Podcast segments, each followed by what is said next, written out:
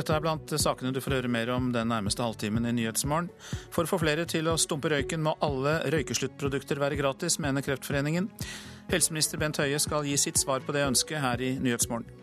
Det trengs mer kunnskap og bedre ferdigheter i arbeidslivet. Statsministeren og arbeidslivsorganisasjonene underskriver avtale i dag. Flere mediehus rundt i verden lanserer satsinger for å bekjempe falske nyheter, men norske redaktører sitter foreløpig på gjerdet. Her i studio i dag, Øystein Heggen. Og for å få flere til å stumpe røyken, så må røykesluttprodukter som plaster, tyggis og tabletter være gratis, mener Kreftforeningen. De viser til at 2500 dødsfall i Norge hvert år er direkte knyttet til røyking.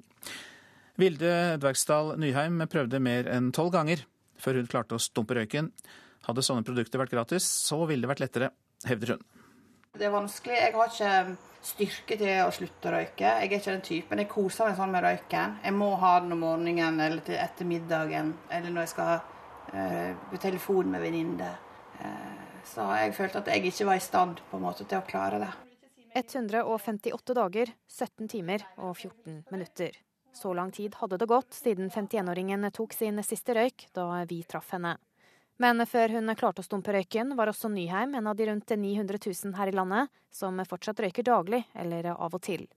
Nyheim mener tilbudet til dem som vil slutte, er for dårlig. Det er ikke bra nok. Det er fortsatt veldig mange som røyker. og Jeg skulle ønske at det var mer gratis produkter ute. For jeg har hatt noen sprekker. Eh, nå klarte jeg å komme meg på igjen, men jeg ser jo hvor vanskelig det er. Og det at folk fortsatt røyker, koster samfunnet masse penger faktisk så mye som 8 milliarder kroner årlig. Legger vi til tapt arbeidsfortjeneste og sykdom, er vi oppe i 80 milliarder, ifølge tall fra Kreftforeningen.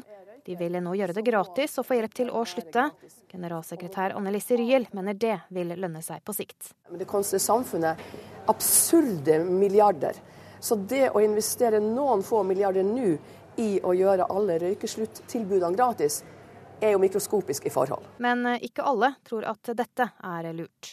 Forskning tyder jo på at eh, disse plaster og tyggegummi har ikke hatt veldig stor effekt på røykesluttraten, verken i Norge eller i andre land. Det sier Carl Erik Lund. Han forsker på rusmiddelbruk hos Folkehelseinstituttet, og tror ikke forslaget om gratis røykesluttprodukter er løsningen. Han peker på at 70% av dem som har klart å slutte, gjorde det på egen hånd. Ja, Dette er jo et velmenende tiltak. Jeg tror kanskje det er mer symbolpolitikk i det. Uh, men med en så svak effekt som det er fra disse virkemidlene, så vil nok dessverre ikke ha en veldig stor effekt inn på røykevanene i Norge. Det er nok mange andre ting som betyr mer. Ryel i Kreftforeningen mener det er bedre å gjøre noe enn ingenting. Vi kan bestandig prate i årevis for å finne den perfekte løsninga, den dokumenterte ting. I mellomtida så dør folk. Eh, så det er viktig heller å være litt raus og ta oss råd til mange ulike ting for å nå målet med at flere hundre tusen skal ha klart å slutte å røyke. Nyheim takker kjæresten for at hun denne gangen fortsatt er røykfri. Ha meg i live og frisk. Og det er sant. Jeg har godt av å høre det. Vilde Dvergsdal Nyheim til reporter Lena Gundersby Gravdal. Og helseminister Bent Høie, god morgen. God morgen. Ja, Har du lyst til å være raus, som Ryl etterspurte her, og gi røykere som vil slutte, gratis medisiner for å stumpe røyken? Jeg er jo veldig enig med Ryl at dette er et stort problem. Det er jo fortsatt sånn at 6000 mennesker i Norge dør årlig for tidlig som følge av bruk av, bruk av tobakk. Eh, og så er det hele veien en avveining av hvilke virkemidler som vi tror har størst effekt. Det som eh, vi gjør, er jo å nå fordi det er ikke sånn at vi ikke gjør noen ting. Vi har jo bl.a. i år så innfører vi standardiserte tobakkspakninger, eh, som jo tar vekk eh, mye av reklamen for tobakk òg opp mot røykerne. I Australia, som har gjort dette før oss, så er det en fjerdedel av de som har slutta å røyke i den perioden etterpå, eh, er det knytta opp mot dette. Over 100 000 i Australia har slutta å røyke som, som, følge av det. Men gratis eh, røykeplaster og gratis andre medisiner, det vil du altså ikke gi folk? Det er jo sånn at For den enkelte så vil det være sånn at eh, hvis en eh, kjøper disse produktene og lar være å røyke, så er det et regnestykke som går i pluss fra nesten dag én. Eh, sånn at eh, røyking er så dyrt i Norge at alle disse alternativene vil være billigere for den enkelte enn å kjøpe, kjøpe røyk. Så det kan ikke være prisspørsmålet som gjør at en lar være å forsøke med disse produktene hvis en har tro på det. Og Så er det jo ofte, som Lund er inne på, at det trengs kanskje mer. og Derfor har bl.a. Helsedirektoratet utdanna over 300 røykesluttveiledere som jobber på de kommunale frisklivssentralene. Så for de som virkelig sliter med å slutte å røyke nå, så vil jeg anbefale at de tar kontakt med sin frisklivssentral eller sin fastlege og får god eh, veiledning og støtte i hvordan en skal slutte å røyke det. Vi hørte at Kreftforeningen og forsker eh, Karl Erik Lund, som du henviser til, er uenige om dette med gratis medisiner er eh, veien å gå. Men de er enige om én ting, nemlig at tilbudet til røykere som vil slutte, er for dårlig i dag. Og med tanke på hvor mye samfunnet sparer på at folk slutter å røyke, da har vel du en del penger til å sette inn enda flere tiltak enn bare det med å endre pakningene i butikkene og sende rundt noen konsulenter? Altså det, jeg vil ikke bruke den fremstillingen av det, for dette er virkelig effektive tiltak som har effekt. Og det er jo det som er, er viktig. Det er òg sånn at uh, vi har brukt, tar også nå i bruk nye eh, metoder med, gjennom digitale løsninger. Slutta.no er lasta ned av over 400 000. Og det er klart at noe av det som vi ser mange blir motivert av, det er jo få tilbakemeldingen på hvor mye forbedret helse de får, hvor mye penger de har spart digitalt, og ikke minst at de også har muligheten til å dele dette med venner på sosiale medier, og dermed hele veien får den oppmuntringen som vi hørte fra eh, innslaget her, fra venner om at kjempebra, stå på. og Da er det gjerne òg lettere å la være å begynne å røyke igjen, når du har forplikta deg overfor vennene dine og får støtte for det. Og til slutt eh, et spørsmål jeg gjerne vil ha svar på. Det gjelder eh, en ytterligere avgift på linje med den som industrien må betale for å forurense. Altså at tobakksindustrien nærmest får en slags eh, CO2-avgift eller en ekstra røykeavgift på det at de produserer tobakk. Ja, De har det jo i Norge. Norge er jo et av de landene som har blant de høyeste avgiftene på tobakk, og det er et effektivt virkemiddel. Det som da måtte vært spørsmålet, det var om vi skulle ha som Kreftforeningen har tatt opp, øremerka noen av disse pengene til dette formålet. Det har egentlig ingenting eh, liksom, forskjell. Det ville i så fall uansett vært penger som vi måtte ha bevilga. Det er ikke andre penger. Eh, så, så, så, det vil mer være et spørsmål om, det, om vi vil prioritere akkurat dette tiltaket. og Der hører en både faglige råd som sier at det kanskje ikke er fornuftig, og så er det som, som sagt, for den enkelte er dette et økonomisk regnestykke som uansett går i pluss. Eh, og dessuten så får han jo selvfølgelig en betydelig helsegevinst i tillegg. Helseminister Bent Høie, takk skal eh, du ha. Og vi eh, skal fortsette å snakke litt om norsk politikk, for programleder Lilla Sølhusvik i Politisk kvarter er kommet i studio. Og regionreformen er sprengstoff i Fremskrittspartiet, viser det seg. Ja, nye regioner og fylkeskommuner splitter Fremskrittspartiet. Fire lokalpolitikere er ekskludert, og én er suspendert. Både i Arendal og i Kristiansund er lokalpartiene i oppløsning etter stormfulle debatter om hvordan de nye regionene skal se ut. Så var det jo sånn at vi skulle hatt en debatt, men en av debattantene mine trakk seg klokka halv elleve i går kveld. Så, men, men, men vi skal ha med oss en som er utmeldt to som er ekskludert, og ikke minst Helge André Njåstad. Han leder arbeidet med regionene som leder, leder i kommunalkomiteen, og han leder organisasjonsutvalget i Frp, som på mandag har eksklusjonssakene til behandling. Politisk kvarter eh, klokka 6.45. Så var det dagens aviser. Jonas stuper og Erna haler innpå. Det skriver Dagbladet om siste partiledermåling der. Nå skiller det bare ett prosentpoeng mellom dem. Jonas Gahr Støre med 47% mens Erna Solberg får støtte fra 46% av de spurte. Blir ikke lett å bryne seg på meg nå, sier tidligere bergensordfører Trude Drevland, som portretteres i Aftenposten. Drevland er i ferd med å reise seg igjen politisk etter at hun for halvannet år siden måtte søke permisjon fra alle politiske verv pga. korrupsjonsanklager. I desember i fjor ble saken mot henne henlagt. Dette er en vond situasjon, sier ekteparet Liv og Jan Fredrik Råstad til Vårt Land. De har sammen med 1100 andre meldt seg ut av Den norske kirke etter vedtaket om likekjønnet vigsel. Etter 80 år eh, vet vi ikke hvor vi skal gå, nå søker de et kristent trosfellesskap. Nasjonen mister kontrollen over store deler av kystsonen i krise og krig, sier kommandørkaptein Svein Jarle Jacobsen til Dagsavisen. Sjøheimevernet er nemlig under avvikling og offiserene feller en hard dom over politikernes beslutning. LO går inn i søppelstriden i Oslo, kan vi lese om i Klassekampen. LO-leder Geir Kristiansen ber kommunen ta over etter flere måneder med søppelkaos og brudd på arbeidsmiljøloven. Bytt fond hvis du er misfornøyd, sier DNB-sjef Rune Bjerke til Dagens Næringsliv. Avisen har påvist at Norges største aksjefond, DNB Norge, er et av dem med dårligst avkastning. Så kundene bør selv finne fram til vinnerfondene, sier Rune Bjerke. Vil ha antibiotikamerking av kjøtt, sier overlege Martin Steinbach ved Folkehelseinstituttet til Nasjonen. Forbrukerne må få vite hvor mye antibiotika som brukes i produksjonen av mat, sier han, og får støtte fra Veterinærforeningen. Musehjerner avslører hvordan vi lærer, skriver Adresseavisen. Forskere ved NTNU Kavli-instituttet har avslørt hvordan hjernens senter for læring og hukommelse utvikler seg. Og det gir da håp om å reparere skader og sykdom. Tidligere skiskytteress Liv Grete Skjelbreid portretteres i VG, der hun forteller om knallhard omstilling til en normal tilværelse etter toppidrettslivet, og om skilsmissen fra Rafael Poiré. Hun er strålende fornøyd med livet i dag. Ja, vi fortsetter i sportens verden, for Tarjei Bø vet fremdeles ikke om han skal til VM som starter i neste uke. Skiskytteren har ikke gått på et eneste verdenscuprenn eh, har ikke gått et eneste verdenscuprenn denne sesongen pga. sykdom. Men i dag står han klar til start i Slovakia. Håper med det å vise at han er verdig en plass på VM-laget i Østerrike neste uke.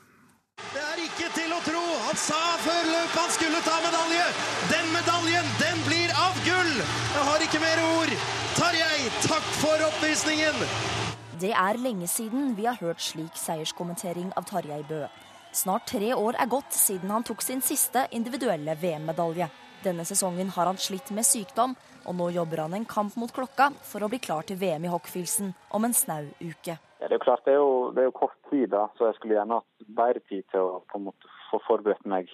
Og det er klart, det, det er vanskelig å si hvor jeg står hen, men jeg får nok tydelig svar på det på fredag. Ja, for i dag skal Bø gå sin aller første konkurranse denne sesongen, når sprint står på programmet i IBU Cup. Der er han avhengig av å prestere for å bli tatt med til VM. Men Bø selv er også opptatt av å ikke forhaste seg altfor mye. Hvis du begynner å kødde med, med helsa og, og rushe, rushe det tempoet for raskt, så kan du jo liksom ødelegge hele hele karrieren. det, det, er mange utøvere som har gjort, men det har ikke jeg tenkt å gjøre. Men han innrømmer at en VM-billett står i hodet hans før start i dag. Men jeg tenker jo på VM òg, så klart. Det er jo alt er mulig. Og det er jo Jeg har ikke gått skirenn ennå, så det, jeg bør kanskje gå ett skirenn før jeg, før jeg vet hvor jeg står hen. Landslagstrener Egil Kristiansen vil ikke si noe om hvor godt Tarjei Bø må prestere i dag for at han skal bli tatt ut til VM. Jeg vil ikke forskuttere noe resultat eller noen ting. Er, vi får uh, ta fredagen nå først, og så får vi sette oss ned og evaluere det. Og Tarjei Bøs siste stikk for denne gang blir Jeg kommer jo tilbake. Det er bare, bare å følge med. og Ida Moseng var reporter. Klokka har nettopp passert 6.46. Dette er hovedsaker. USA endrer sin retorikk om de omstridte israelske bosettingene. Nye israelske bosettinger på palestinsk område hjelper ikke fredsprosessen mellom Israel og palestinerne, sier Det hvite hus i en uttalelse i natt. I store deler av verden frykter unge at de blir overflødige fordi kunstig intelligens og roboter tar over stadig flere jobber, men at unge i Norge er langt mindre redd for å bli erstattet av roboter, kan du høre mer om etter klokka sju. For å få flere til å stumpe røyken, må alle røykesluttprodukter som plaster, tyggis og tabletter være gratis, mener Kreftforeningen. Andre tiltak er eh, vel så gode, sier eh, Bent Høie. Han var i Nyhetsmorgen nettopp, altså helseministeren. Nå om hvordan vi skal sikre oss mer kunnskap og bedre ferdigheter i arbeidslivet. Det er tema når statsminister Erna Solberg og kunnskapsminister Torbjørn Røe Isaksen deltar på lanseringen av Nasjonal kompetansepolitisk strategi i dag. Det er et samarbeid mellom myndighetene og partene i arbeidslivet, og eh, en avtale skal signeres av statsministeren, hovedorganisasjonene, Sametinget og Voksenopplæringsforbundet. Gina Lund, velkommen. Takk for det, og god morgen. Du er direktør i Kompetanse Norge, og begrepet kompetanse brukes jo veldig ofte. Kanskje for, eh, fordi det er lett å bruke, men hva legger egentlig du i det? Ja, vi definerer det som eh, den samlede evnen til å eh, skaffe seg ferdigheter, utdanning og kunnskap til å løse oppgaver. Og for oss er dagen dag en stor dag. Det er en dag hvor vi er enige i Norge om at vi må sette alle kluter til for å bygge opp ferdighetene våre for å møte omstillingen som vi står overfor. Har du en oppskrift på hvordan samfunnet kan gi arbeidstakerne mer kunnskap og bedre ferdigheter? Ja, Det som i hvert fall er veldig viktig, det er å erkjenne at utdanning alene ikke vil være tilstrekkelig. Det er ikke sånn at man kan ta en utdanning når man er ung, og så regne med at den skal du kunne basere arbeidslivet ditt på til du går av med pensjon. Tvert imot så er det sånn at mens i 1935 så varte og levde en bedrift i gjennomsnitt i 90 år i Norge, så vet vi at i dag eh, lever en bedrift i 15 år. Det kommer til å bli mange jobber som blir borte. Eh, og det kommer samtidig til å komme til nye jobber. Så det å skaffe seg de ferdighetene som gjør at man klarer å bygge ny kunnskap, det blir avgjørende for framtiden. Og da er det så fint at partene i arbeidslivet og regjeringen i dag er enige om at her skal man eh, mobilisere det som fins av kunnskap, for å bruke det til å utvikle nye ferdigheter. Og arbeidslivet blir en av de aller viktigste arenaene for opplæring framover. Så jeg som har jobbet i NRK siden 1980, er ikke en typisk eh, ny arbeidstaker i dag? Nei, du er ikke det. Og mediebransjen er også en av de bransjene som har kjent veldig på hva omstillingen innebærer. Den innebærer betydelige digitaliseringsprosesser. Men det å hele tiden være søkende etter ny læring, det å tenke kreativt i forhold til hvordan man kan bruke den kunnskapen man har ervervet, blir veldig viktig framover. Mm. Og så blir det viktig å bruke veiledningstjenester og utvikle veiledningstjenester sånn at folk får eh, motivasjon til å gjøre den jobben det er og lære mer. Men eh, det, kan ikke dette da også føre til at man blir veldig opptatt av å gi folk eh, utdanning, og fjerner seg fra det behovet samfunnet har til f.eks. en god snekker, en god rørlegger, en elektriker, altså de grunnleggende yrkesfagene. Er de også med i den, der, uh, i den kompetansehevingen du snakker om? Ja, og de er kanskje spesielt viktige. For det vi vet, er at arbeidslivet etterspør faglært arbeidskraft. Så yrkesutdanningene eh, er nå etterspurt, og det tror vi at det vil være en god stund framover. Eh, samtidig så er det sånn at også yrkesfagene utvikler seg, og det er viktig at man får påfyll. Og det vil være naturlig at mye av det påfyllet skal skje faktisk i arbeidslivet. Sånn at vi må gå bort ifra det begrepet om at det er skolen som er opplæringsarenaen. I hvert fall så er den ikke alene.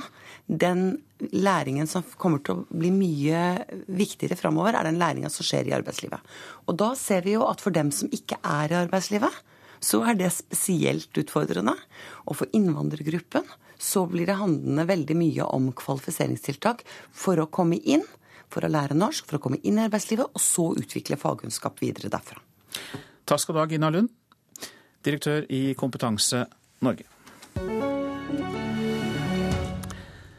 En uh, usann historie om en uh, drept kvinne ga startskuddet til den svenske satsingen på Viralgranskaren. Redaksjonen eh, tar for seg historier som sprer seg i sosiale medier, og faktasjekker dem. Men så langt er norske redaktører avventende til hvordan de skal håndtere fenomenet falske nyheter usanne, politisk motiverte nyheter. Oppdiktede nyheter på sosiale medier. Fake news, eller uh, falske nyheter, som uh, vi uh, sier på norsk. Høsten 2016 kom et nytt begrep inn i det norske ordskiftet. Falske nyheter. Fremveksten av misvisende artikler som gir seg ut for å være nyheter, har nå blitt et så stort problem for nyhetsredaksjoner at flere store mediehus lanserer egne satsinger for å bekjempe det. Franske Le Monde lanserte nylig en egen søkedatabase for virale nyheter, og BBC satte denne måneden ned en egen redaksjon. Den svenske gratisavisa Metro var tidlig ute med å avsløre falske nyheter. Siden 2014 har de faktasjekka historier som sprer seg på nett, forteller redaktør Hugo Evald. Det vi ser i i, säga, i dagens sosiale sociala medier-samhälle är ju att det blivit väldigt mycket lättare för vem som helst oavsett med flit eller eh, om de inte gör det med mening att eh, sprida påståenden. Det blir ett, väldigt, ett, ett vanligt Facebook-inlägg som du som privatperson skriver kan komma att delas och läsas mer än en, en artikkel i till exempel New York Times. Det hele begynte med historien om en svensk kvinne som skulle ha blitt drept av en ekskjæreste som bodde på flyktningmottak. Vi kunde sen visa på att den här kvinnan fanns inte på riktigt. Profilbilden på Facebook föreställde en annan svensk kvinne som ikke hadde noe med saken att göra. Vi tok turen til Akersgata og stilte VG-redaktør Gard Steiro spørsmålet er falske nyheter et problem også i Norge. Ja, det begynner å bli det, eh, mener jeg. Eh, måten nyheter nå og informasjon spres på i sosiale medier, gjør at eh, mange får et problem med å skille hva som er rett og galt. Likevel, norske redaktører sitter så langt på gjerdet. Vi ser bare omfanget av det, og hvordan det nå preger eh, amerikansk politikk og hvordan det har preget amerikansk valgkamp. Sånn at vi følger nå med og har en løpende diskusjon om hvordan vi skal forholde oss til det. At omfanget av falske nyheter har økt, trenger uansett ikke være et dommedagstegn, ifølge VG-redaktøren. Jeg tror at det som skjer nå, kan jo få to utslag. Det ene er at eh, hele denne falske nyheter-diskusjonen eh, kan jo bidra til å svekke alt, all journalistikk. Men det kan jo òg bidra til å skape et skarpere skille mellom de redaktørstyrte mediene som har et etisk regelverk, og strømmen av informasjon. VG-redaktør Gard Steiro var det, reportere Gaute Sakariassen og Oddvin Aune. Og rett etter klokka åtte skal etikkredaktør i NRK Per Arne Kalbakk snakke om hvordan NRK forholder seg til flommen av falske nyheter. Orgelmusikken bruser eh, gjennom kirkerommet flere steder i Norge fortsatt, men det er ofte en utlending som sitter på orgelkrakken. Nå gjør kulturskolene noe for å øke interessen og rekrutteringen. Ni år gamle Sivert Gjelsvik Grane fra Førde gledet seg lenge til sin første orgeltime.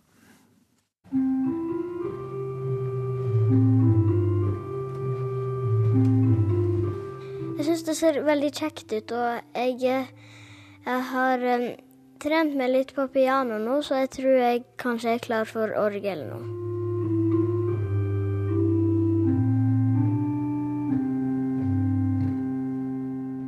Ni år gamle Sivert Gjelsvik Grane har orgelundervisning i Førde kirke. Hvor lenge har du lært å spille orgel? Eh, jeg har nettopp begynt. Så det her er den første timen din? Ja. Det er ikke mange i Norge som er like entusiastiske som Sivert. Kirkene sliter med rekruttering av musikere. Tall fra kirkeorganisasjonen KA viser at det er mangel på organister, og 40% av de ansatte har ikke utdanning som kantor. Kirkeverget i Førde, Oddvar Etnestad, viser vei inne på kirkekontoret. Han stadfester at det er vanskelig å skaffe organistvikarer. Utfordringen vår bl.a. Det, er, det er vikar med vakanse, sykdom og ferieavvikling. Så er det ikke mange å spørre. Så Vi har noen vi kan spørre, men det er ikke veldig mange som kan gå inn og vil ta på seg den, den jobben. Etnestad forteller at rekrutteringen er så dårlig at mange må hente folk fra utlandet for å få det til å gå rundt. Men kirkekontoret har tatt grep for å sikre rekrutteringa. De samarbeider med kulturskolen om orgelelever. Skal du inn som organist, du kan ikke bare søke på, på, på utdanning. Du må først kanskje spille og øve i ti år. Så det er, en, det er en langs, et, et, langsiktig prosjekt. Til dermed så er det viktig å gå starte tidlig. Og det samarbeidet vi har med kulturskolen her før, det er veldig, veldig spennende. Vi håper at det, det kan bare frukte på lang sikt. Trykk på med tangent, så skjer det noe. Da kommer lyden. Da kommer det fra tangentene inn her. Kantor Asbjørn Flom er læreren til Sivert Gjelsvik Rane, og han viser frem hvor mye spennende det er å se inni orgelet. Men det er ikke alle elever som er like heldige som Sivert. Jeg tror jeg tilbake til 2009 da jeg begynte i kulturskolen. Så fikk jeg oppretta den tilbudet til elevene. Så vi er en av de få kulturskolene i Norge som har tilbud til elever som ønsker å lære seg å spille orgel. Men det er ikke bare enkelt å få orgelelever. Det er et vanskelig område. Det er vanskelig å få elever eh, til å starte å bli interessert i instrumentet. Og på landsplanen også så er det vanskelig å få tak i norske organister til ledige stillinger. Og vanskelig å få tak i vikarer. Er det slik at du nesten kan få litt dårlig samvittighet når du tar ferie, hvis du vet at det er vanskelig å skaffe vikar? Ja, det er ofte det. Hvis jeg er syk eller noe sånt og ikke kan, kan møte, så får jeg dårlig samvittighet. Det, det gjør jeg. Men det er håp for framtida. Ni år gamle Sivert gleder seg allerede til neste orgeltime. Hva tror du er artig med å spille orgel? Jeg syns det bare ser ganske gøy ut. Tror du at du kan tenke deg å bli organist når du blir stor? Det skal jeg.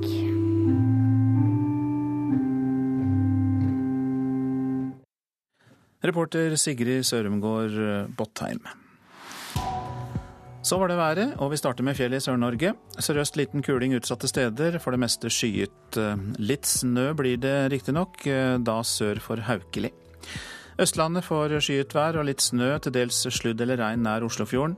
Nord for Hamar blir det oppholdsvær. Så går vi til Telemark og Agder. Stiv østlig kuling på kysten vest for Lindesnes. Skyet vær. Regn etter hvert, sludd og snø i høyden. Rogaland sørøst stiv til sterk kuling på kysten utsatte steder. For det meste skyet også i Rogaland, litt regn og snø i fjellet. Hordaland og Sogn og Fjordane ser vi samlet, og det blir eh, sørøst liten til stiv kuling utsatte steder i fjellet. For det meste skyet vær, litt regn av og til eh, og litt eh, snø i fjellet. Møre og Romsdal og Trøndelag, der er det kort og grei værmelding, stort sett pent vær. Nordland også stort sett oppholdsvær, til dels pent vær lengst sør i fylket. Vi går til Troms, som får opphold, tynt og høyt skydekke. Finnmark liten sørvestlig kuling i eh, Øst-Finnmark eh, fram til ettermiddagen. Av og til litt sludd og snø i kyststrøkene, og for øvrig stort sett opphold i Finnmark. Spitsbergen sørøst liten kuling utsatte steder. Skyet vær, men litt snø av og til. Så går vi til temperaturene, da målt klokka fire i natt. Svalbard lufthavn minus to, Kirkenes minus seks, Vardø minus tre, Alta minus seks, Tromsø minus én. Bodø null, Brønnøysund minus én. Og så kommer eh, plussgradene på rekke og rad her. Trondheim-Værnes 1, Molde 4, Bergen-Flesland 10, Stavanger 7, Kristiansand-Kjevik 3. Men Gardermoen, der var det minus to. Det samme på Lillehammer, minus to. Røros minus seks. Og Oslo-Blindern minus én grad.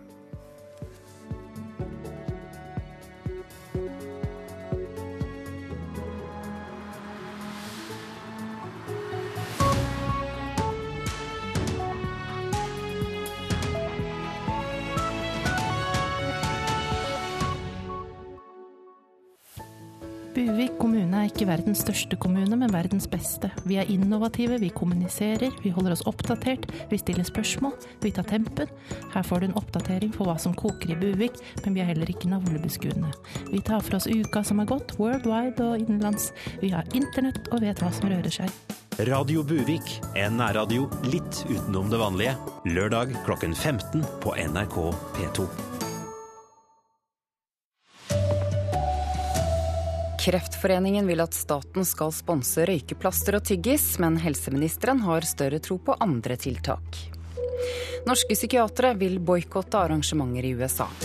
Her er NRK Dagsnytt klokken sju.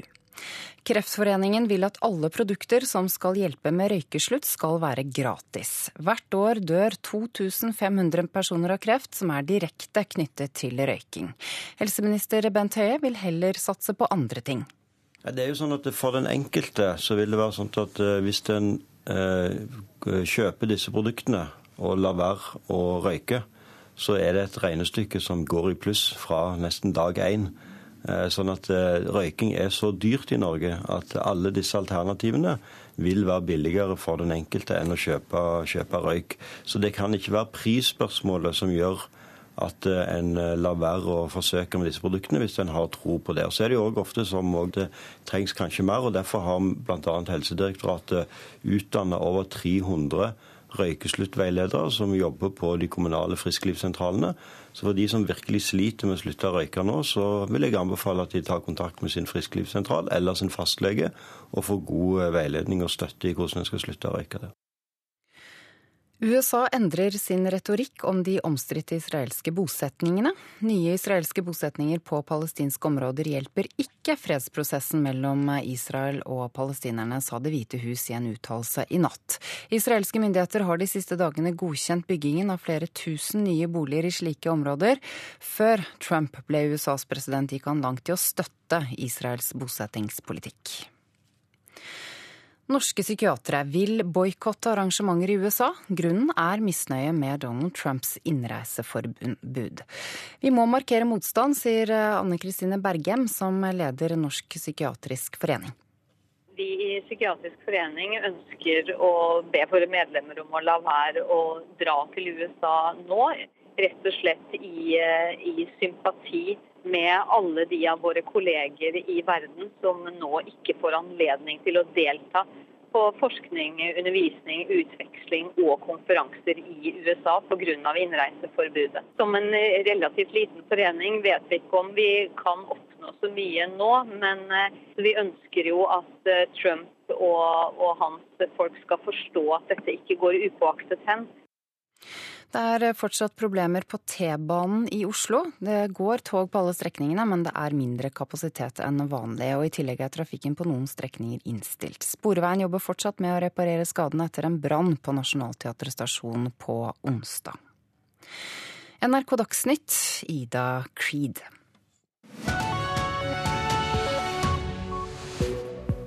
Nyhetsmorgen fortsetter med disse sakene. Unge i Norge er eh, langt mindre redde for å bli erstattet av roboter enn eh, unge mennesker i andre deler av verden.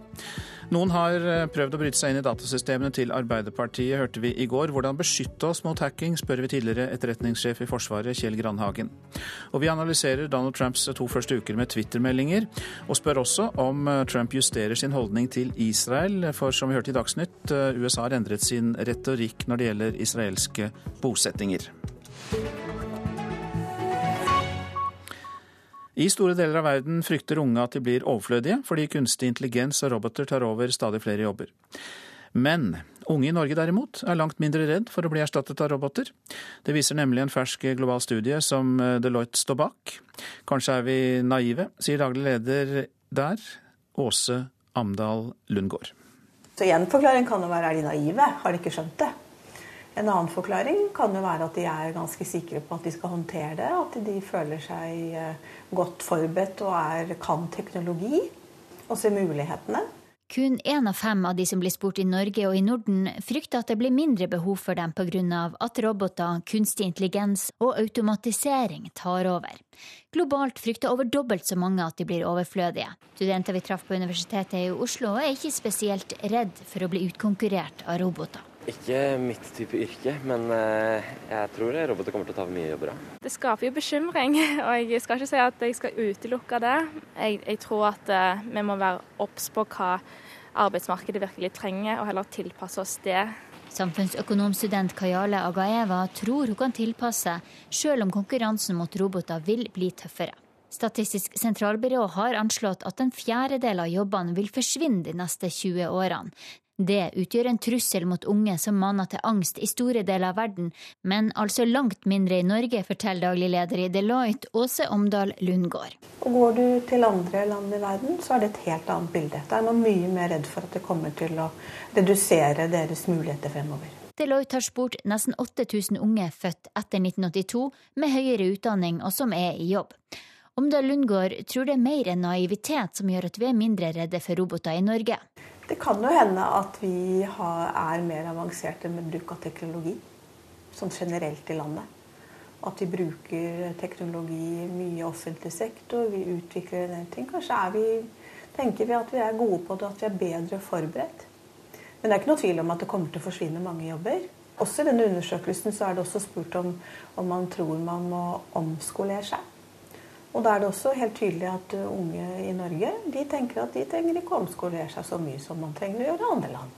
Så det er jo et eller annet med at de tenker at de har kanskje bedre forutsetninger for å håndtere den nye hverdagen. Tilbake på Universitetet i Oslo føler student Jakob Ditz seg trygg på at han ikke kan bli erstatta av en robot. Eh, jeg studerer eh, internasjonale relasjoner, eller internasjonale studier. Jeg tror ikke roboter har så veldig mye å stille opp med i den i den retningen. Men hvorfor tror du norsk ungdom er så mye mer positiv enn uh, ungdom ute i verden når det gjelder om robotene kan ta over jobben deres? Ja, kanskje nummer én, kanskje litt naiv innstilling til hvordan, hvordan verden fungerer. Uh, at vi har fått hva skal man si, livet på sølvfat. Uh, og vi tror at, at, ting vil løse seg uansett. Men så ser man jo nedover i Europa og i andre deler av verden at sånn er det ikke. Samfunnsøkonomstudent Kayale Agaeva tror automatisering og kunstig intelligens også kan skape nye typer jobber. Andre typer jobber, f.eks. innenfor innovasjon og mer sånn eh, teknologiutvikling, da. Reporter Linda Reinholdsen. Noen eh, har prøvd å bryte seg inn i datasystemene til Arbeiderpartiets stortingsgruppe, det hørte vi i nyhetene i går. Ifølge TV 2 var det russerne som sto bak, og denne uken ble det også kjent at Politiets sikkerhetstjeneste ser på russisk hacking som en trussel for landet. Tidligere etterretningssjef i Forsvaret Kjell Grandhagen, god morgen. God morgen, god morgen. Du er med oss på telefon, og dette er jo ikke første gang vi hører om eh, hackerangrep mot eh, vestlige politiske organisasjoner. Men hvor vanlig er det at norske politiske partier er utsatt for det? Det eh, vet vi vel egentlig ikke eksakt. For noe av utfordringen her er jo nettopp det at vi har fortsatt et for dårlig innblikk i den virksomheten som drives mot viktige IKT-systemer i, Norge. Men jeg får si at jeg ble ikke overrasket da jeg hørte at Arbeiderpartiets stortingsgruppe har vært forsøkt rammet. Du ble ikke overrasket ut ifra det du kjenner til som din jobb innenfor etterretning?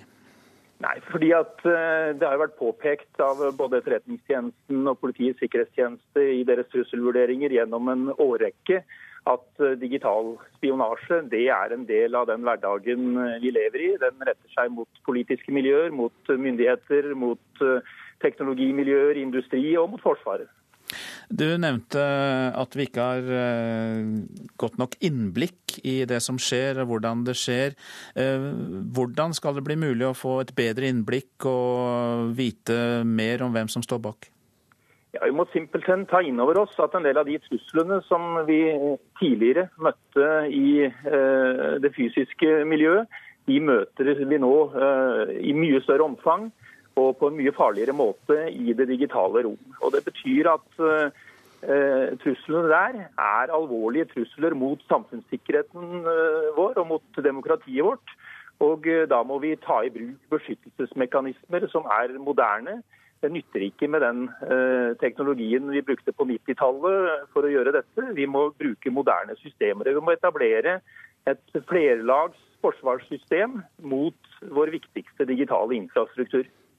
Hvis det er Russland som altså står bak dette mot Arbeiderpartiet, vi vet jo ikke det helt sikkert, hva skulle de ønske å oppnå med det? Ja, Det er jo mange land som driver eh, etterretningsvirksomhet i det digitale rom. Det er eh, særdeles utbredt. Men det spesielle med Russland er jo at de har gått et skritt videre.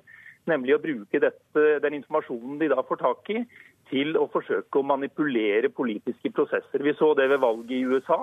Og eh, det kommer klare signaler fra andre europeiske land om at det også skjer der. Og eh, Når det gjelder Norge, så er selvfølgelig trusselen eh, den at denne informasjonen kan brukes både til å forstå dypere de politiske prosessene i landet vårt, men det kan også brukes i etterkant mot enkeltpolitikere hvor man har klart å få frem sensitiv informasjon som altså kan være skadelig for disse. Og På den måten kan man påvirke politiske prosesser, og det er jo noe vi absolutt ikke ønsker. Påvirke og forstå er stikkord for det du sier der, men kan det også ses på som en forberedelse til en eventuell krig? Ja, Det er jo noe av det eh, kjedelige med dette. At eh, utviklingen av trusselvaren i det digitale rom stopper ikke ved spionasje.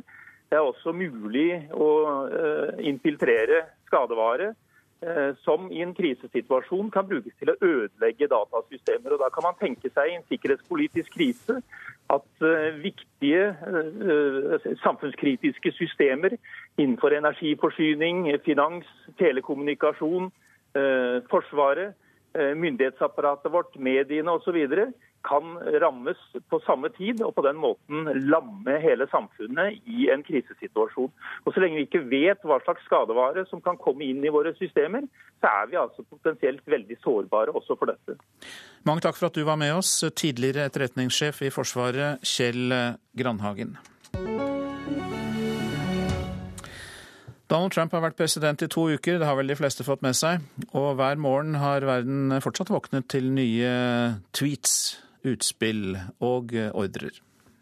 The Secretary of Homeland Security, working with myself and my staff, will begin immediate construction of a border wall. Allerede i løpet av det første døgnet som president kom de første ordrene fra Trump. Han satte i gang arbeidet med en mur mot Mexico, tok det første skrittet for å avvikle Obamas helsereform, stoppa en handelsavtale og gjenoppliva kontroversielle oljerørprosjekter. Dette sa USA-korrespondent Gro Holm etter Trumps første uke veldig kaotisk, der uh, hans medarbeidere ofte har fått viktige politiske signaler via Twitter. Og på dag én i Trumps presidentuke to kom det mer.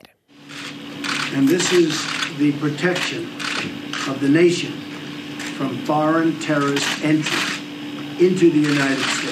Innreiseforbudet, som etter Trumps mening skal hindre radikale islamistiske terrorister i å komme inn i USA. Forbudet innebærer at folk fra Iran, Irak, Libya, Syria, Somalia, Jemen og Sudan er nekta innreise de neste 90 dagene, og syriske flyktninger er nekta innreise på ubestemt tid. Og det har ikke skjedd uten protester. Men det er ikke bare blitt protestert på gata. Tirsdag våkna vi til nyheten om at fungerende justisminister Sally Yates var avsatt av Trump. Ifølge Trumps egne ord hadde hun forrådt Justisdepartementet fordi hun hadde advart ansatte der om at innreiseforbudet kunne være i strid med Grunnloven. Og Trump fortsetter. I går ble det kjent at han hadde slengt på røret under en samtale med den australske statsministeren om en flyktningavtale mellom de to landene. Da tok Trump igjen til Twitter. Kan du tro det, skrev Trump. Jeg skal se nærmere på denne dumme avtalen. Og dette innslaget var satt sammen av eh, Kari Bekken eh, Larsen. Nå har eh, Halvard Sandberg og Joar Hoel Larsen, begge i utenriksredaksjonen, kommet til studio, for vi trenger å kommentere dette her. Og aller først til deg, Halvard Sandberg. Du har fulgt med på nyhetene på morgenen. Vi har nå hørt at USA har endret sin retorikk, virker det som, i omtalen av nye israelske bosettinger på palestinske områder. Så hva er endret? Det er vel ikke en endring, men dette er vel det første negative som, om Israel som kommer fra Trump-administrasjonen. Det kan tolkes som negativt. De sier det at det, det er ikke nødvendigvis til hjelp for fredsprosessen hvis Israel utvider bosetningene eller bygger nye bosetninger. Men de har ikke tatt noe standpunkt om bosetninger per se. Det er en, en uttalelse som kom fra Det hvite hus eh, i natt. Og Israel eh, sier at vi får vente og se om dette påvirker vår politikk når det gjelder eh, bosetninger. Og så er det massevis eh, rundt omkring i medieverdenen som eh, ser at dette er veldig viktig. At det er sånne viktige signaler som kommer med at man faktisk sier noe negativt om Israel. Nå har jo dette skjedd på natta her i Europa i hvert fall, men er det kommet andre reaksjoner enn den israelske på det? Ikke offisielle reaksjoner. Det er Israel, den israelske ambassadøren eh, som eh, har eh, kommet med Israels syn, at vi får vente og se på dette her. Ja. Joar Hoel Larsen, du er jo tidligere USA-korrespondent eh, for NRK. og eh, er dette et uttrykk for at Trump-administrasjonen tilpasser seg en mer etablert amerikansk utenrikspolitikk? Jeg vil mene at det er å trekke det veldig, veldig langt. Eh, de første to ukene har vi sett eksempel på snarere tvert imot. At det har vært særdeles viktig å markere distanse til alt som i hvert fall eh, Barack Obama sto for i de foregående åtte år. Slik at eh, jeg har ingen tro på, for det første, konsistens i hva som kommer ut av Det hvite hus i det hele tatt. Det har vært veldig sprikende, det har vært eh, lite sammenheng i mye av det eh, nå president Trump har sagt, både som kandidat og i de siste to ukene. slik at jeg tror man skal være veldig forsiktig med å konkludere noe som helst på bakgrunn av denne ene meldingen som kom i natt. Men forstår du det Sandberg refererer til her, at eh, medier rundt i verden syns dette er interessant? At det nærmest er en form for mild kritikk av Israel? Medier rundt i verden syns alt som skjer rundt Donald Trump er interessant. Slik at eh, nesten uansett hva han gjør, så vil det bli lagt vekt på. Eh, det er en fargerik personlighet som hele tiden har gjort uventede ting. Dette var uventet. Eh, det er i hvert fall en, en, form for sammenheng mellom hva Donald Trump står for og hva han har gjort i natt. At man aldri vet hva som kommer fra den kanten, og dermed får han veldig mye presse. For det var jo noen på forhånd som hadde sagt at han uh, ville bli mer presidentaktig når han faktisk ble president, men det har vel kanskje ikke slått til helt? Nei, det har det ikke, og det har nok forundret ganske mange. Eh, riktignok så sa han det også selv, at jeg skal bli så presidentaktig at dere orker ikke mer, liksom. Han, eh, han har vært veldig klar over at det forventes mer eh, av ham i den rollen enn som kandidat. Men eh, hvis han selv nå mener at måten han har oppført seg på disse to ukene, er å være mer presidentaktig, så tror jeg veldig mange av de som tolker det å være presidentaktig på en annen måte, er blitt skuffet. For han har ikke utvist spesielt stor presidentaktighet. Hva er det mest oppsiktsvekkende, skråstrek, eh, overraskende i løpet av disse to ukene? Ja, Det er kanskje veldig overraskende, for han har faktisk gjort veldig mye av det han sa i valgkampen at han skulle gjøre. Eh, dette er en slags eh, takk for at dere stemte på meg, til, til, de som da faktisk gjorde det. Det mest oppsiktsvekkende er selvfølgelig dette innreiseforbudet, som riktignok er begrenset både i tid og rom. Men det går såpass langt at det kan være i strid med amerikansk lov. Det jeg selv mener er det mest oppsiktsvekkende, det er at han faktisk, og ikke minst hans stab, fortsetter med disse angrepene på, på, pressen, på mediene. De bruker ord som krig og motstander og fiende om mediene. Eh, det kan man godt mene at mediene ikke alltid fører så godt med seg, men altså dette går direkte på ytringsfriheten i USA. Det går på grunnlovfestede rettigheter for amerikanere. De er veldig glad i grunnloven sin. De dyrker disse tilleggene til grunnloven. Ytringsfrihet tolkes veldig vidt. Det dreier seg også om religiøs frihet, det dreier seg om møte- og samlevirksomhet osv. Slik at, at de fortsetter med det, er faktisk ganske oppsiktsvekkende. Og det er i tillegg ganske truende. Til slutt, eh, Joar Hoel Larsen, politiske ledere ønsker seg gjerne arbeidsro etter at de har vunnet et valg, men i dette tilfellet med Donald Trump så virker det som han fortsatt søker uro. Sett fra Donald Trumps side så er det nok alle de andre som vil ha uro. Det er alle de som plager han, som, som, gjør at det blir uro, fordi at eh, de stikker kjepper i hjulene for den roen han selv virkelig søker. Jeg tror man må søke dette både i hans personlighet og i det faktum at det er en viss forskjell på den såkalte i videste forstand, bedriftskulturen som entreprenør og investor på Manhattan, og det man forventer seg av en mann i Det hvite hus. Takk skal dere ha, Joar Hoel Larsen som vi hørte her nå sist, og utenriksmedarbeideren vår nå på morgenen, Halvard Sandberg. Klokka har passert 7.19. Dette er hovedsaker i Nyhetsmorgen. Unge i Norge er langt mindre redd for å bli erstattet av roboter enn unge i andre deler av verden. Det viser en internasjonal undersøkelse. Norske psykiatere vil boikotte arrangementer i USA. Grunnen er misnøye med Donald Trumps innreiseforbud, sier Anne Kristin Bergem, leder i Norsk psykiatrisk forening. Og vi har hørt at USA endrer sin retorikk, i hvert fall tilsynelatende, om de omstridte israelske bosettingene. Eh, bosettingene på palestinske områder hjelper ikke fredsprosessen mellom Israel og palestinerne, kom det i en uttalelse fra Det hvite hus i natt. Vi beveger oss mot Europa og toppmøtet til EU på Malta. EU-president Donald Tusk sier før møtet starter at hovedmålet er å få stanset migranter som forsøker å ta seg over Middelhavet fra Libya til Italia.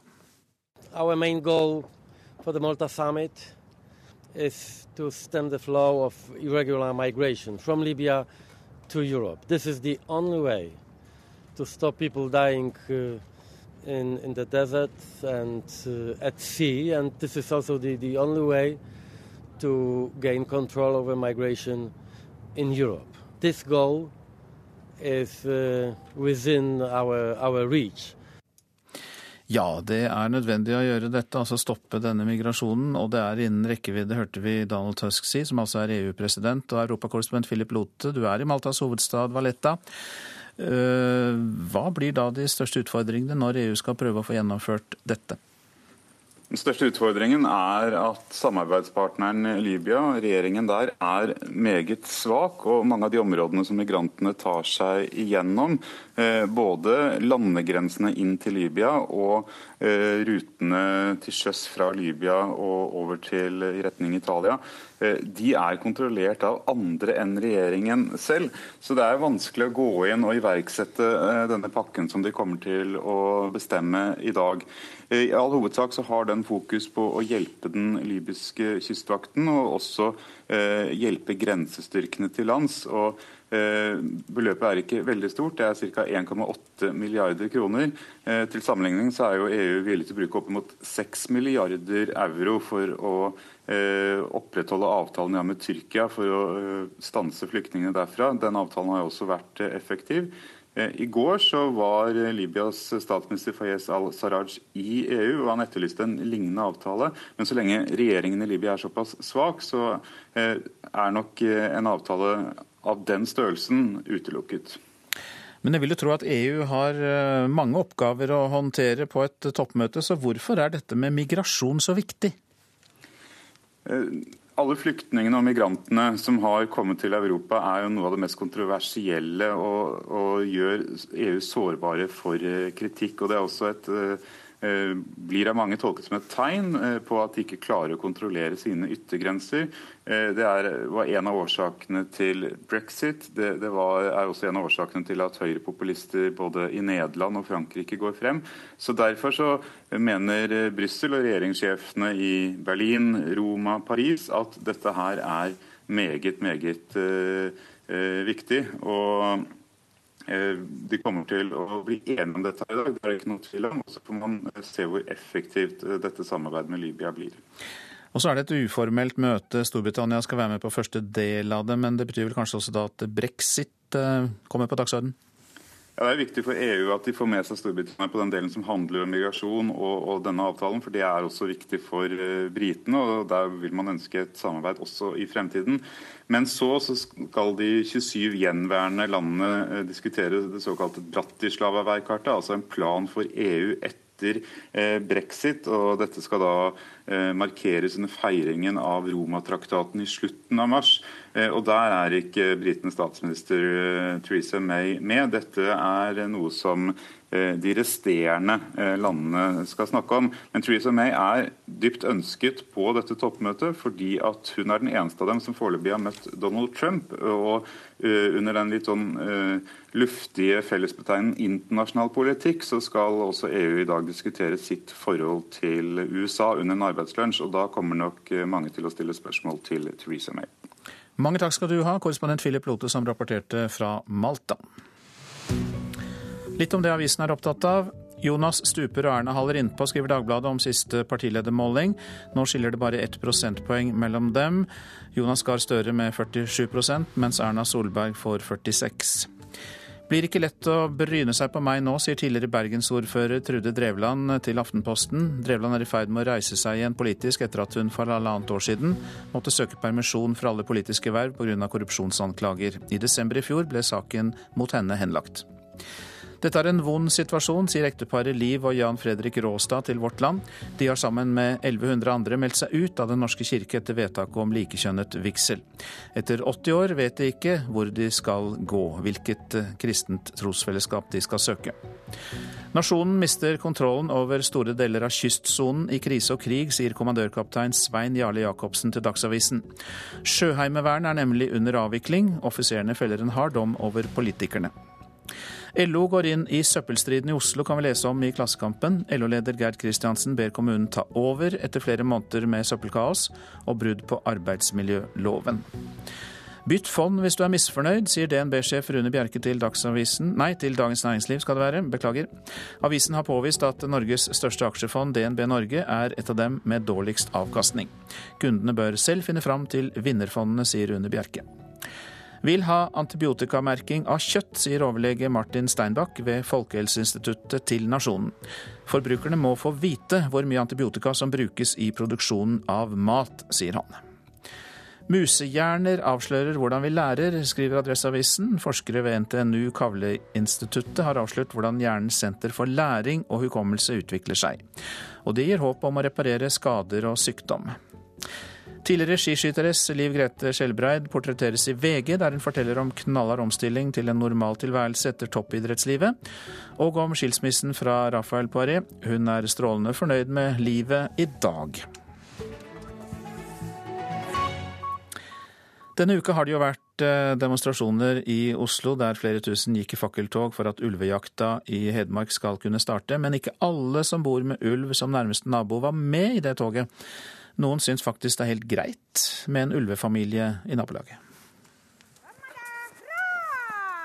MT Elisabeth Jansen lokker på islandshestene som går fritt på et stort jorde ved gården i Julesdalen i Elverum. Ulveflokken slo seg ned i skogsområdet for fem-seks år siden, nesten samtidig som hun slo seg ned på gården. Hun er likevel ikke redd for ulvene. Nei, ikke i det hele tatt.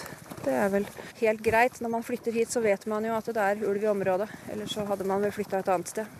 Men hun har hatt to ulver på jordet der hestene går en gang. Der oppe hvor hestene står nå, en 100 meter fra oss, 50 meter fra oss, eh, fant jeg pels på eh, tigertråden. Og så så vi de gikk over jordet her inn i hogstfeltet der borte. Og da slapp jeg ut vokterhunden og gikk etter de. Og da sto de og titta på andre enden av hogstfeltet. Og var ikke bekymra eller ikke aggressive, ingenting. De var helt nøytrale og rusla videre. Ulvene hun hadde besøk av tilhører Lekjennflokken, en av flokkene som rovviltnemndene i fjor høst vedtok jakt på. Slik hørtes det ut da mellom 4000 og 5000 gikk med fakler fra Stortinget gjennom Karl Johan og ned til statsministerens kontor i Oslo mandag kveld, for å protestere på at miljøministeren hadde sagt nei til at Lekjennflokken og de andre flokkene i Hedmark skulle felles under lisensjakta i vinter. Gløden er der fortsatt, og det er veldig viktig for veldig mange. Dette. Det betyr noe for folks livskvalitet. Og eh, vi som har skoa på, så betyr dette politikken og i praksis. Det er derfor vi står på slik òg sa leder av Hedmark jeger- og fiskerforening, Knut Arne Gjems. Og bildet mange kanskje sitter med, er at alle i Hedmark og Oppland vil få satt i gang ulvejakt fordi mange er redd for ulven. Hvis en skal være redd nå, så får man heller være redd bilen og slektninger og venner. Det er en mye større fare, egentlig, hvis man ser statistisk på det. Men når du hører at uh, ulve, enkelte ulver da begynner å nærme seg husveggen til folk. Tenker du ikke at kanskje ulven har endra atferd da? Nei, det er vel det naturlige for unge dyr å være nysgjerrige og oppsøkende. Det er sånn unge dyr er, og vi kan jo gjøre noe for å gjøre litt skremt uten å felle den. Men hvis det blir tomt for elg i skogen, da, så kan det jo hende at eh, hestene dine ligger tynt an? Nå har det jo alltid vært ulv og elg i eh, Skandinavia, sånn at det er jo en balanse som gjerne regulerer seg sjøl. Blir det mindre elg, så blir det gjerne mindre rovdyr òg. Reportasjen var laget av Anne Kari Løberg. Du lytter altså til Nyhetsmorgen. Vår produsent i dag er Vidar Eidhammer, og ved mikrofonen Øystein Heggen.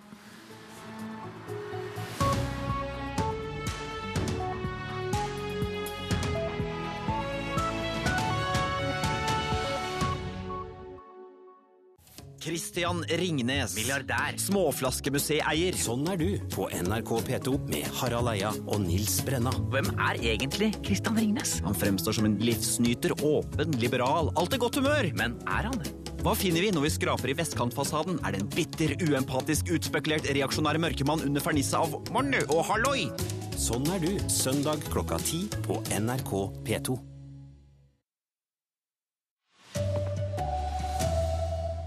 Kreftforeningen vil at staten skal sponse røykeplaster og tyggis.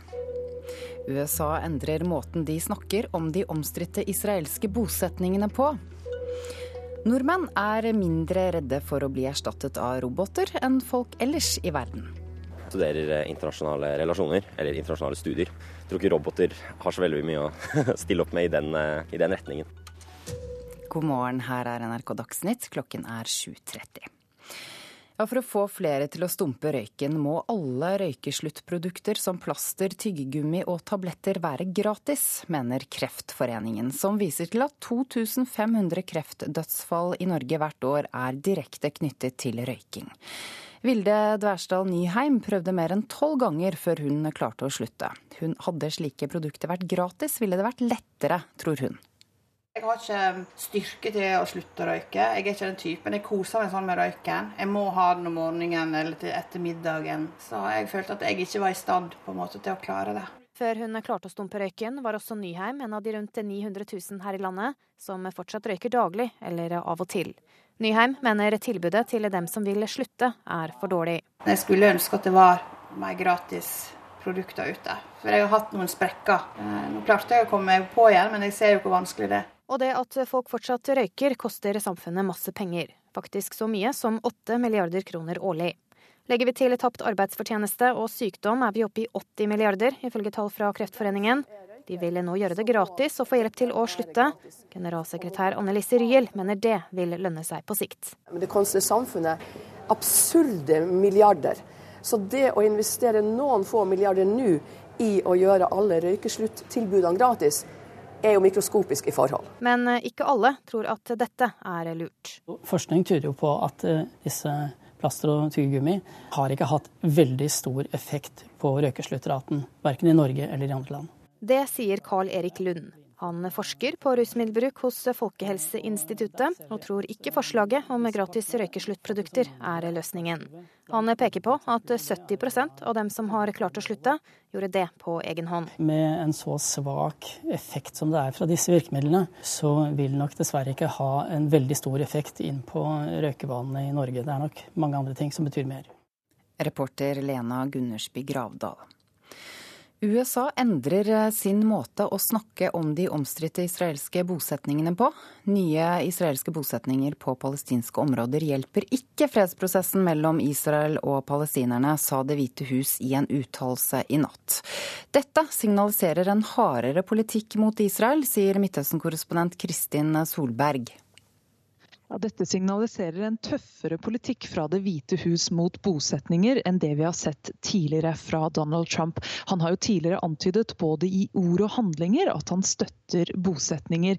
Og I uttalelsen så heter det at utvidelsen av bosetninger og bygging av nye bosetninger kan være til lite hjelp for fred i Midtøsten.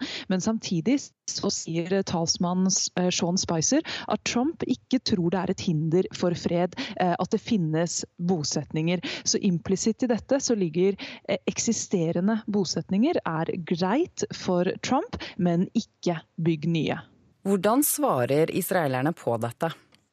Israels ambassadør til FN sier at det er for tidlig å si eh, hvordan uttalelsen vil påvirke bygging av bosetninger. Israel har jo erklært bygging av over 5000 nye enheter i eksisterende bosetninger eh, bare på de to ukene siden Trump ble president. Og det er ventet at det kommer flere reaksjoner på, eh, på denne uttalelsen utover morgenen og formiddagen eh, i dag, etter hvert som eh, israelske politikere kommer på jobb. Eh, så skal Netanyahu også til Washington DC for å møte Trump i midten av måneden. Så får vi se hva som kommer ut av det møtet. Ja, Det sa Midtøsten-korrespondent Kristin Solberg. Det har eh, i natt vært harde kamper i den østlige delen av Ukraina. Minst fire soldater fra regjeringshæren er drept, og nå er eh, frykten at det vil komme en større offensiv. Fredsprosessen i Ukraina er nå i ferd med å gå i stykker, rapporterer korrespondent i Moskva Morten Jentoft.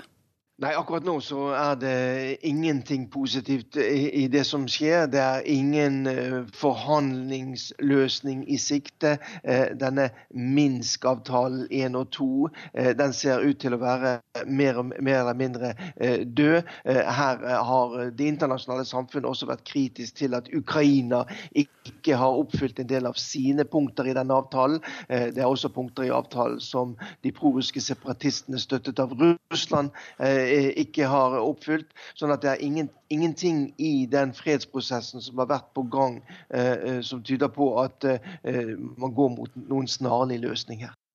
Det sa korrespondent i Moskva Morten Jentoft. En av fem unge føler seg utrygge på barnevernsinstitusjon, ifølge en undersøkelse blant landets barnevernsbarn. Dette utgjør minst 250 barn. Halvparten av disse barna oppgir at utryggheten skyldes at det er vanskelig å få kontakt med de ansatte på institusjonen. Det skriver Stavanger Aftenblad i dag. I store deler av verden frykter nesten halvparten av de unge at de blir overflødige fordi kunstig intelligens og roboter tar over. Men i Norge derimot er bare én av fem redde for å bli erstattet av roboter. Det viser en ny global studie fra konsulentselskapet Deloitte.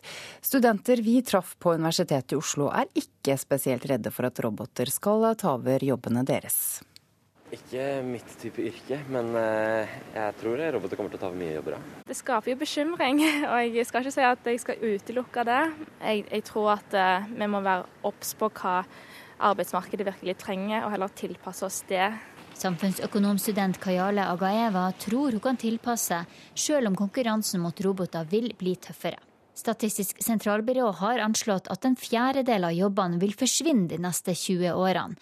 Det utgjør en trussel mot unge som maner til angst i store deler av verden, men altså langt mindre i Norge, forteller daglig leder i Deloitte, Åse Omdal Lundgård. Går du til andre land i verden, så er det et helt annet bilde. Da er man mye mer redd for at det kommer til å redusere deres muligheter fremover. Deloitte har spurt nesten 8000 unge født etter 1982 med høyere utdanning og som er i jobb. Omdal Lundgaard tror det er mer enn naivitet som gjør at vi er mindre redde for roboter i Norge. Så En forklaring kan jo være er de naive, har de ikke skjønt det? En annen forklaring kan jo være at de er ganske sikre på at de skal håndtere det. At de føler seg eh, godt forberedt og er, kan teknologi og ser mulighetene. Tilbake på Universitetet i Oslo føler student Jakob Ditz seg trygg på at han ikke kan bli erstatta av en robot. Jeg studerer internasjonale relasjoner, eller internasjonale studier. Tror ikke roboter har så veldig mye å stille opp med i den, i den retningen. Reporter her var Linda Reinholdsen. Vi når aldri målet om flere tusen nye bussjåfører i året dersom ikke arbeidsforholdene i bransjen blir betydelig bedre. Det er Yrkestrafikkforbundets svar på NHOs ønske om 1000 nyutdannede sjåfører årlig. Sjåførene er under et voldsomt press, hevder forbundslederen. I verste fall så får man ikke verken spist matpakka si eller kommet seg på toalettet. Mangeårig bussjåfør, nå forbundsleder i Yrkestrafikkforbundet, Jim Klungnes, skulle gjerne snakke opp yrket sitt, men han får det ikke helt til. Han la merke til det håpefulle ønsket NHO-topp Jon Stordrange kom med for en uke siden, om å utdanne 1000 nye bussjåfører hvert år fram til år 2030 for å nå klimamålet og øke kollektivtrafikken. Ungdom bør tenke alternativt til yrkesfag og satse på, på yrker som bussjåfør, som er et sikkert og ansvarsfullt og hyggelig yrke å ha. Men ungdom NRK møtte, hadde ingen planer om å bli bussjåfør? Mm, dessverre ikke. Nei, det er ikke noe penger i det. Og dette rimer med det inntrykket Klungnes sitter med. At nesten ingen unge gutter og jenter ser bussen som en karrierestige. Per i dag så er det jo sånn at bussjåførene som burde ha vært de beste ambassadørene for yrket, som burde ha anbefalt dette til sine bekjente og sine barn, de gjør ikke det pga. arbeidssituasjonen, arbeidsmiljøet. Behovet for busstransport er i rushet morgen og ettermiddag. Derfor tilbyr mange selskap sjåførene delte vakter. Kort økt morgen og ettermiddag, fri midt på dagen. Det fører til at man får eh, inntil tolv timers arbeidsdager og har ei pause på, midt på dagen da, som er ubetalt. Så man får 50-60 timers arbeidsuke og får betalt for en normal arbeidsuke. Reporter her var Bjørn Atle Gildestad. Det er fortsatt problemer på T-banen i Oslo. Det går tog på alle strekningene, men det er mindre kapasitet enn vanlig. I tillegg er trafikken på noen strekninger helt innstilt. Sporveien jobber fortsatt med å reparere skadene etter denne brannen på Nationaltheatret stasjon på onsdag. Sven Gullvåg er ansvarlig for Dagsnytt-sendingene denne morgenen. Jeg heter Ida Creed.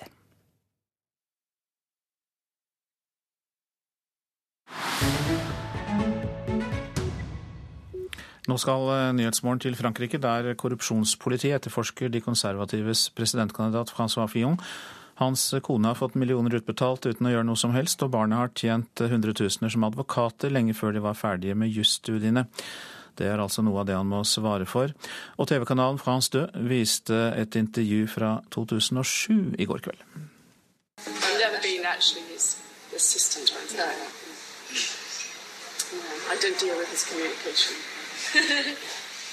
Jeg var aldri hans assistent eller noe som helst lignende. Det sa Penelope Fillon i det ti år gamle intervjuet. De siste dagene har mannen hennes kjempet for å overbevise alle om det stikk motsatte. Jobben var reell. Hun har vært min assistent siden mitt første valg på 80-tallet, har Francois Fillon forklart. I går kveld ble deler av det upubliserte videoopptaket vist på fransk TV, og der var madame Fillon krystallklar.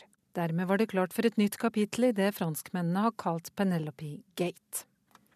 I intervjuet sier britiskfødte Penelope at hun heller vil være på parets slott sammen med deres fem barn og fem hester enn i mondene Paris. Den republikanske presidentkandidaten Francois Fillon har lovet å kutte i byråkratiet for å redusere de offentlige utgiftene hvis han blir valgt til president. Men nå blir han altså beskyldt for å ha vel lange fingre ned i statskassa. Korrupsjonspolitiet etterforsker Fillon, som er mistenkt for å ha misbrukt statlige ordninger for flere millioner kroner. Tirsdag kom politiet til kontoret hans i nasjonalforsamlingen i Paris. Reporterne som sto ute på gata fulgte med, og kunne skimte etterforskerne bak de hvite gardinene der de gjennomgikk sakene hans. Fillon sier han fremdeles er kandidat, men har sagt at han vil trekke seg hvis det blir tatt ut siktelse. Og han avviser alle påstander om å ha gjort noe galt, og sier han er utsatt for et komplott. Franske parlamentarikere kan ansette assistenter og få penger av det offentlige til å lønne dem.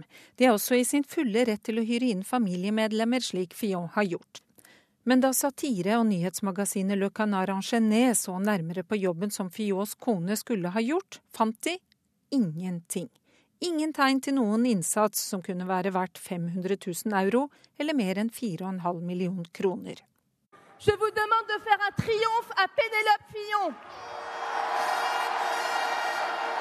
På partimøtet forrige helg ble Penelope, som de kaller henne, rørt til tårer da et samlet parti reiste seg og ga henne stående applaus. Men fra utsiden fortsatte kritikken. For etter den første artikkelen i Le Canard kom en ny denne uka. Tema denne gangen er at to av parets barn også var hyret inn som juridiske assistenter for faren. Datteren skal ha fått mer enn 500 000 kroner fra statskassa for å ha jobbet i ett år og tre måneder, mens sønnen skal ha tjent rundt 235 000 i løpet av et halvt år. Euh, de mes enfants var étaient avocats, grunn av deres compétences. Fillon hevder at de to var kvalifisert for dette som advokater. Problemet er bare at ingen av dem var ferdig med jusstudiene da de var ansatt. Nå blir også disse utbetalingene etterforsket av fransk korrupsjonspoliti. Aldri har man sett en lignende kampanje i et forsøk på å kvitte seg med en presidentkandidat, freser Francois Fillon. Han har altså sagt at han trekker seg som kandidat hvis det blir tatt ut tiltale mot ham. Men hva som skjer da, er høyst usikkert. Når sosialistene nå har tidenes mest upopulære president, og republikanernes kandidat er ute i så hardt vær, kan det bety et oppsving for de to andre. Marine Le Pen fra Nasjonal Front eller den uavhengige Emmanuel Macron. Sa reporter Marit Kolberg. Hovedsaker i Nyhetsmorgen. Kreftforeningen vil ha gratis røykeplaster og tyggis for å få folk til å stumpe røyken. Helseminister Bent Høie vil heller satse på andre tiltak. USA endrer sin omtale av omstridte israelske bosettinger på Vestbredden. Nye bosettinger hjelper ikke fredsprosessen, sier Det hvite hus nå. Unge nordmenn er mindre redd for å bli erstattet av roboter enn unge arbeidstakere ellers i verden. Det viser en internasjonal undersøkelse. Og vi når aldri målet om flere nye bussjåfører hvis ikke arbeidsforholdene i bransjen blir betydelig bedre, mener Yrkestrafikkforbundet. NHO mener det er behov for 1000 nyutdannede sjåfører årlig. Og så er det Politisk kvarter, og det er ved Lilla Sølhusvik.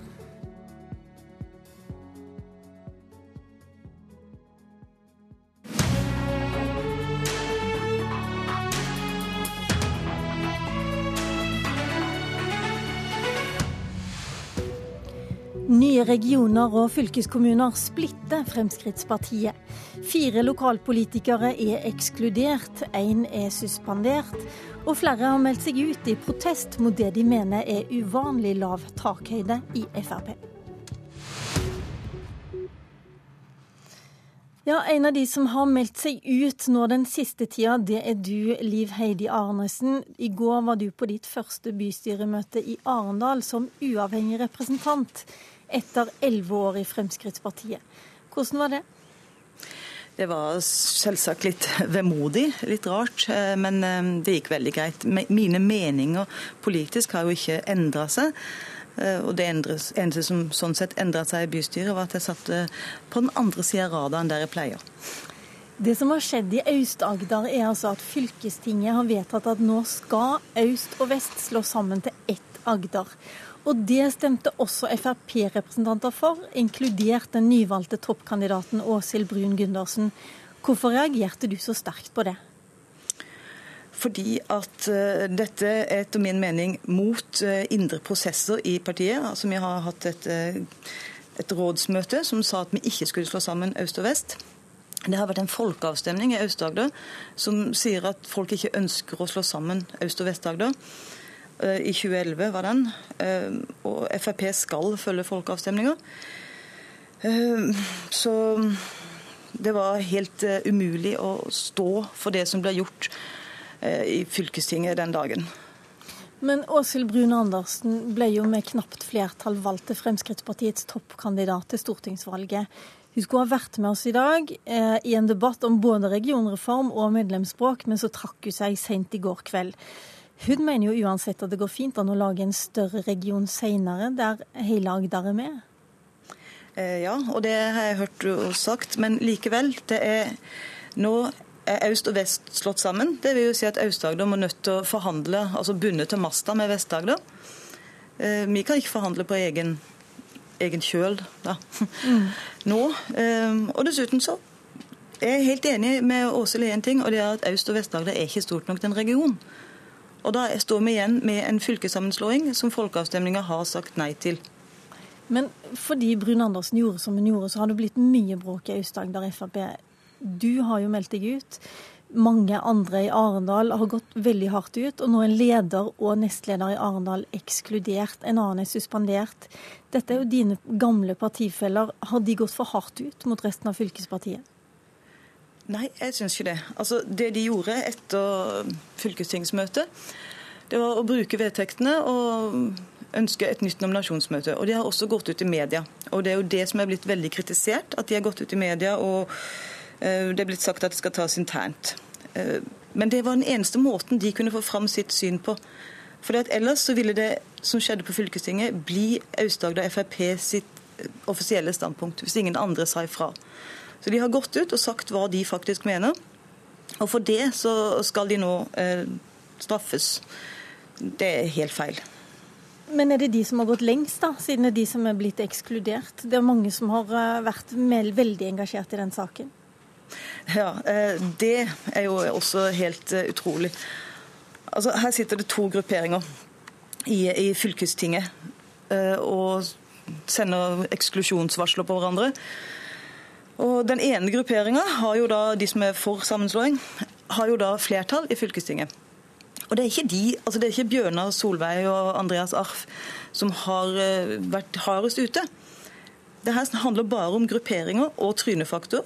At det er de to som har fått eh, straff. da. Eh, det er akkurat samme utspill, og noen har vært mye hardere ute og ikke fått advarsel engang. Så det her er helt latterlig. Altså, det burde aldri vært behandla i fylkestinget, det burde vært rett eh, til sentralstyret. Ja, nå skulle jeg selvfølgelig gjerne hatt igjen noen som kunne svart det fra den andre sida, men det har vi ikke. Så jeg må bare spørre. Det ble et møte på onsdag, natt til onsdag faktisk, så avslutta Aust-Agder Frp et åtte timer langt møte. Da var det gitt sju advarsler. Én ble suspendert i tre måneder, men ingen flere ble ekskludert da. Og Etterpå så sa fylkesledelsen at nå håper de at de har lagt bak seg interne stridigheter. Tror du det kan roe seg nå? Er det noe som skal til for at du kan melde deg inn igjen? Hmm. Um, for det første, ja, få ro i det der nå, det tror jeg ikke noe på.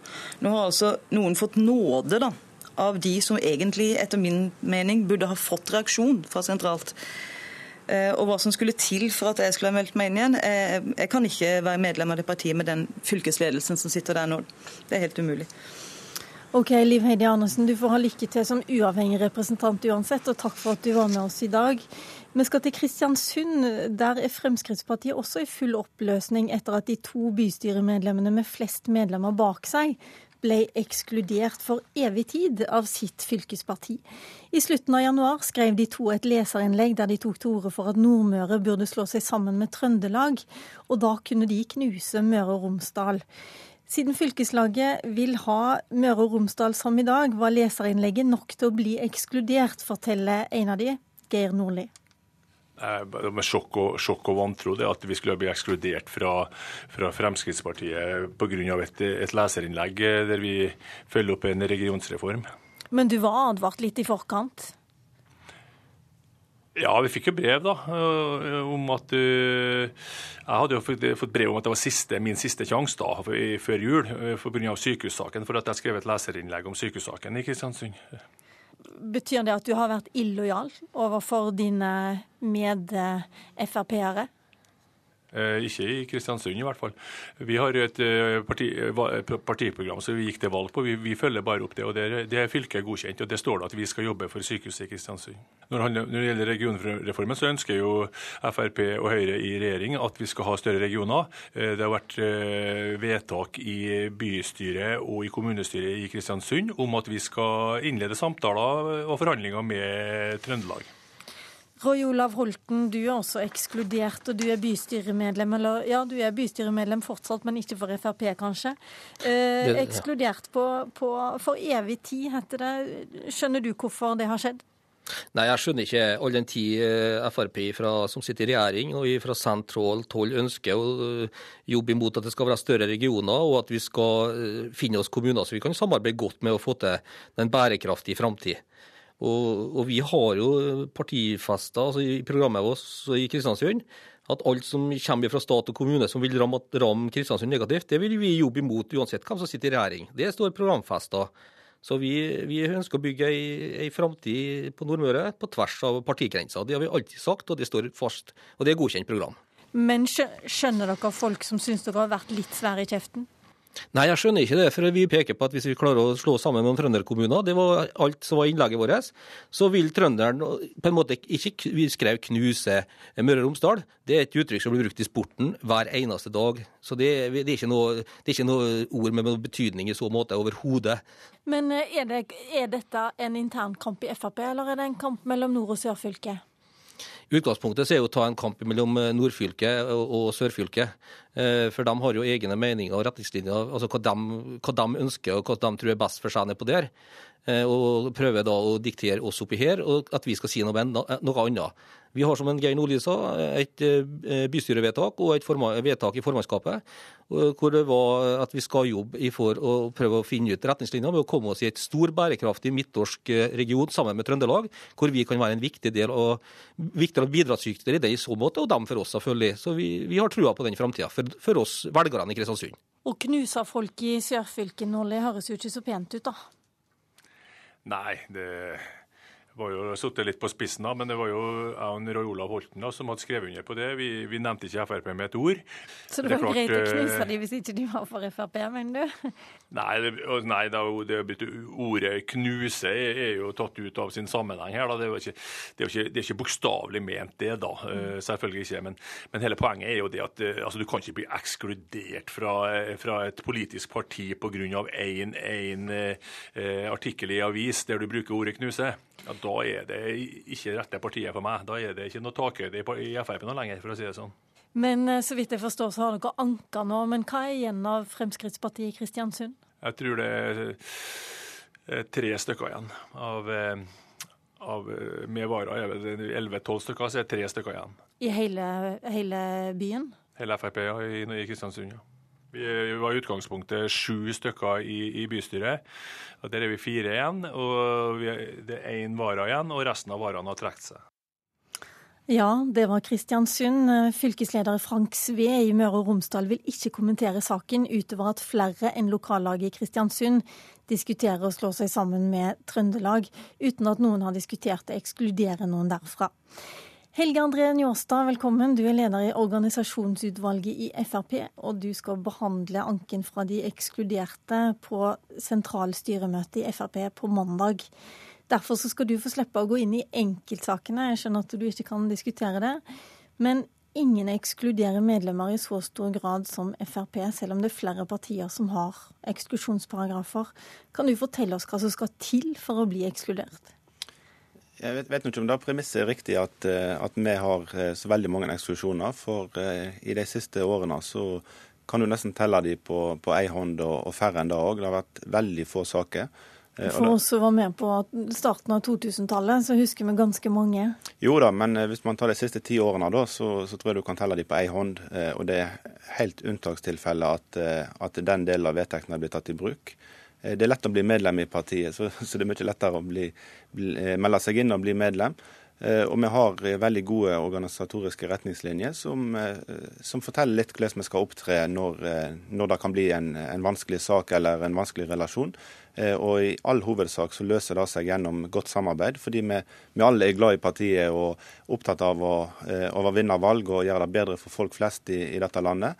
Og Da legger man stridigheter bak seg og ser framover. Og det er kun i, i helt ytterste tilfelle at at fylkesstyrene velger å, å, ta i bruk de virkemidlene. Så Det uh, har, bare skjedd uh, to ganger nå i den siste tida. Uh, og det er jo litt interessant at det da blir lagt et stort nummer av, av det, for det er overhodet ikke hovedregelen. Men er et leserinnlegg nok, som disse to gutta sier? Nei, terskelen er ganske høy. og Terskelen er, er, veldig høy, og dette er et virkemiddel som fylkesstyrene tar, fylkesstyrene tar veldig sjelden i bruk. Og, det er klart at det skal, skal mer til. Man må selvfølgelig òg ha hatt en dialog på forhånd, og, og dette blir gjort, gjort, skikkelig i de tilfellene som det blir gjort. Men det er litt vanskelig å se noen linjer her. Altså I Aust-Agder så stemte jo fylkesleder, nestleder og toppkandidat for å slå sammen fylket. Eh, to fylker, selv om rådsmøtet i partiet anmoda det. Man må ikke gjøre det. Der var det de som påpekte at ledelsen gikk mot partilinja, som ble ekskludert. Mens i Kristiansund, der var det de som gikk mot partilinja i fylket, som ble ekskludert. At vi har politiske diskusjoner, det er helt, helt naturlig. Og en, en, sak som regionreform, at den skaper engasjement i, i grenseområdene, er, er, helt naturlig. Eh, da alle i Fremskrittspartiet enige om er at vi hadde klart oss uten fylkeskommuner. og da lurer jeg bare på hvor linja går. Hva er det som gjør at eh, man snakker eksklusjoner her? Det høres jo Nei. ut som politiske diskusjoner.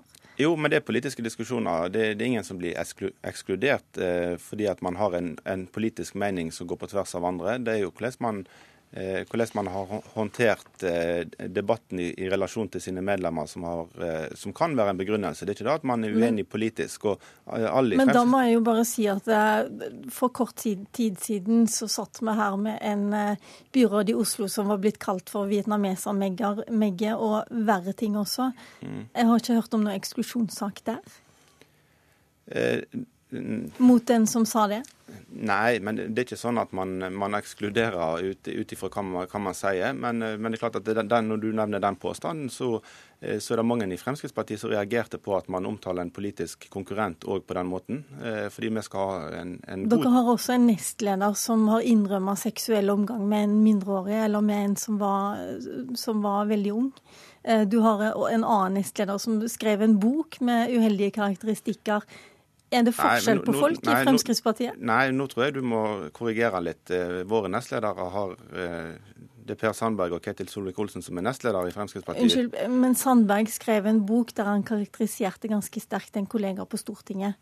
Terje Søviknes var nestleder ja, men nå syns jeg, jeg man skal la, la de sakene, sakene ligge. og Det er overhodet ikke eh, sammenlignbart eh, i, i, det hele tatt. Eh, eh, de problemstillingene som du, som du nå reiser. Eh, vi har veldig få saker som er på, på en måte i forhold til den, den delen av vedtektene. I all hovedsak så løses dette lokalt eh, og i god tone. og partiet evner å se framover. Og det tror jeg òg man vil gjøre i Aust-Agder etter nytt årsmøte og nytt nominasjonsmøte. Så vil man rette blikket og kjempe for mandatet. Om eksklusjonene blir omgjort, det får vi vite på mandag etter sentralstyremøtet. Lilla Sølutvik satt i studio. Hør flere podkaster på nrk.no podkast.